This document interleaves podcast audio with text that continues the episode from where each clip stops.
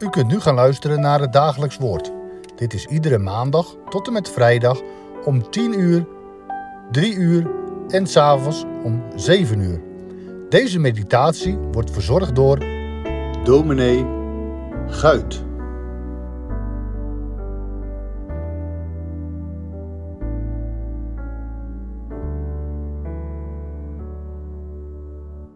Ik lees met u enkele verzen uit de Bijbel en wel Lucas 2, vers 38 tot en met 40. En zij kwam er op dat moment bij staan en beleed eveneens de Heere en zij sprak over hem tot allen die de verlossing in Jeruzalem verwachten. En toen ze alles volbracht hadden wat er volgens de wet van de Heere gedaan moest worden, keerden zij terug naar Galilea, naar hun stad Nazareth. En het kind groeide op en het werd gesterkt in de geest en vervuld met wijsheid en de genade van God was op hem. Toen Jozef en Maria naar de tempel gingen om het kind Jezus aan de Here voor te stellen, was daar iemand die geen vooraanstaande plaats innam. Haar naam wordt later in de Bijbel ook niet meer genoemd. Het is een bejaarde weduwe, Anna, dat betekent genade. Deze vrouw leidde een leven in tere godsvrucht, een leven vanuit de verborgen omgang met de Heer. Lucas 2 zegt dat ze een profetes was en uit de stam van Azer afkomstig. Ze was dus met de geest van de profetie vervuld, evenals in de tijd van het Oude Testament een Deborah en een Hulda. Omdat de naam van haar vader ook wordt genoemd, is zij des te meer onder haar tijdgenoten bekend. Deze vrouw was slechts zeven jaar getrouwd geweest. Toen verloor zij haar man. En daarna heeft ze een leven geleid in biddend opzien tot de Heer. We lezen zelfs van haar dat ze niet week uit de tempel met vasten en bidden. En dat ze God diende dag en nacht. Het is een rijk getuigenis dat de Bijbel van haar aflegt. Als Anna naar haar gewoonte opnieuw in de tempel is, ziet zij daar op enige afstand Simeon. Hij is haar bekend als een van degenen die uitzagen naar de komst van de Messias. Hij is in het gezelschap van twee anderen, een man en een vrouw. Wat houdt Simeon in zijn armen? Een kind, zoals zij er zoveel heeft gezien als ze aan de heren werden voorgesteld. Ze komt dichterbij ze hoort Simeon getuigen. Ze hoort hem spreken van de grote daden des Heren. Ze hoort hem de Heere prijzen om het kind dat de lang beloofde Messias was. Dan wordt het Anna door de geest duidelijk dat dit kind inderdaad de knecht des Heren was, waar zij naar had uitgezien.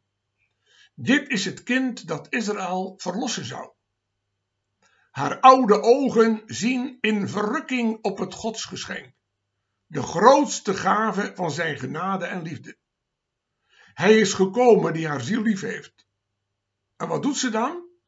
Ze gaat de Heere ook groot maken, loven en prijzen, evenals Simeon. Voor de volmaakte gave van zijn welbehagen, van zijn verbondstrouw en ondoorgrondelijke liefde. De geest bezielt en inspireert haar. Na verloop van tijd stemt zij van harte in met de woorden van Simeon. Samen prijzen zij God en verheffen zijn heilige naam. Bij Anna leidt het zien van de zaligmaker tot de eer van de naam van de Heere. En ze gaat daarbij in het spoor van de herders. Hoe kan het in feite ook anders? Als wij dit kind hebben gevonden als verlosser, als wij dit kind zijn te voet gevallen, als wij door de geest geleid al onze zonden hebben mogen kwijtraken aan Hem en we zijn gerechtigheid hebben ontvangen, dan gaan we de naam van de Heere loven en prijzen. Letterlijk lezen we van Anna, en zij kwam er op dat moment bij staan en beleed eveneens de Heere. Dat betekent dat zij getuigde van haar geloof in dit kind. Ze schaamde zich er niet voor om voor zijn naam uit te komen. En beleiden houdt in schuldbeleidenis en lofprijzing. Anna wordt als het ware met jeugdige geestdrift vervuld, omdat de geest haar deed getuigen van het kind dat de Heere gegeven had. Hebben wij, heeft u, de Heere al beleden als zaligmaker? U zegt, eenmaal heb ik beleidenis gedaan in de kerk. En u kent nog precies de predikant bij wie u dat gedaan heeft. Maar daarna is er niet veel meer van terechtgekomen. Als ik eerlijk ben, zegt u, is het geestelijk leven verflauwd en verminderd. Bid dan om de doorwerking van Gods geest, opdat Hij u ook, of bij vernieuwing, laat zien wie de Heer Jezus is voor een arme zondaar. Een volkomen zaligmaker, die door zijn lijden en sterven, opstanding en hemelvaart, een volkomen verlossing heeft verworven. En als dat gebeurt, gaan we net als Anna de Heere beleiden. Elke dag opnieuw voor zijn naam uitkomen. En gaan we van hem spreken tot iedereen die we op onze levensweg ontmoeten. Familieleden, buren, vrienden en bekenden.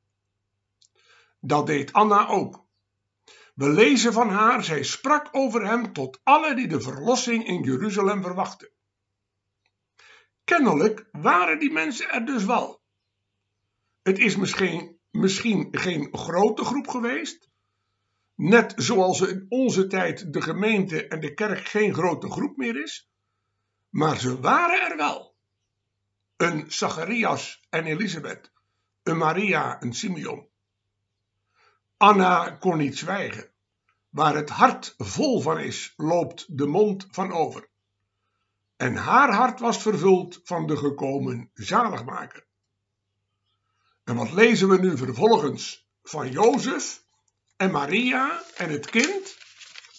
En toen ze alles volbracht hadden, wat volgens de wet van de Heer gedaan moest worden, keerden zij terug naar Galilea naar hun stad Nazareth. Jezus onderwierp zich aan de wet van zijn hemelse vader.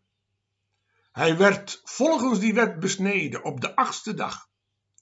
Hij is volgens die wet aan de Vader voorgesteld op de veertigste dag.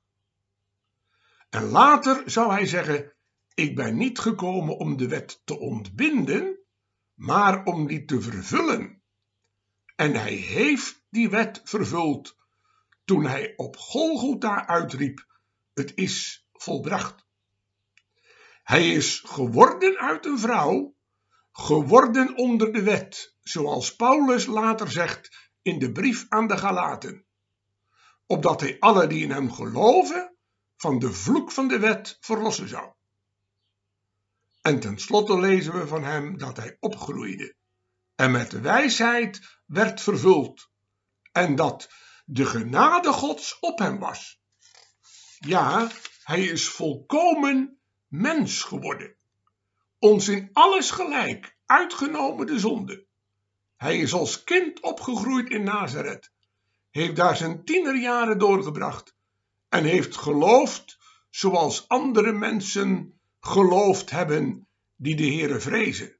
Hij heeft geleefd zoals andere mensen leefden totdat hij op de leeftijd van 30 jaar het land is ingegaan. Het evangelie heeft verkondigd, tekenen en wonderen heeft gedaan en aan het kruis geleden heeft en gestorven is.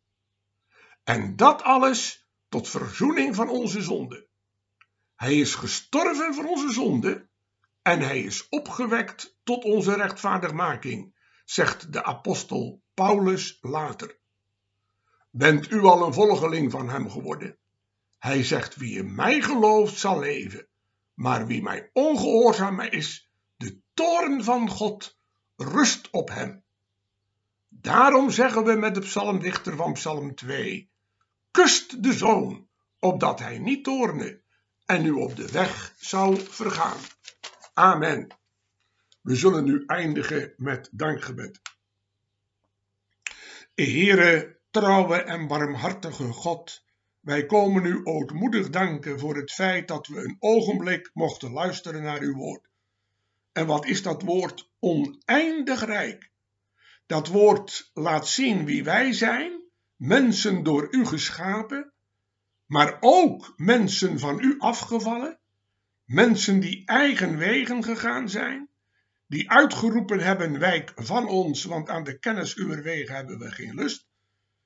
Maar uw woord laat ons ook zien wie u bent, rechtvaardig en heilig, maar tegelijk genadig en barmhartig. En daartoe hebt u uw zoon gegeven, opdat een ieder die in hem gelooft niet verloren zou gaan, maar het eeuwige leven zou hebben. Heere, geef dat wij ons leven aan hem mogen toevertrouwen en dat wij met de gerechtigheid bekleed mogen worden, die hij verworven heeft door zijn lijden en sterven aan het vloekhout van het kruis. En dat wij in dit leven ook een levende brief van hem mogen zijn, en dat wij dagelijks getuigenis mogen afleggen van de hoop die in ons is. Sterk ons in al onze zorgen en noden, pijn, verdriet, eenzaamheid misschien. Wees ons een God van nabij en geef dat wij de verwachting mogen kennen van de stad die fundamenten heeft, waarvan u zelf de kunstenaar en bouwmeester bent, en waarin u zult zijn, alles en in allen. We vragen het van u om Jezus wil. Amen. you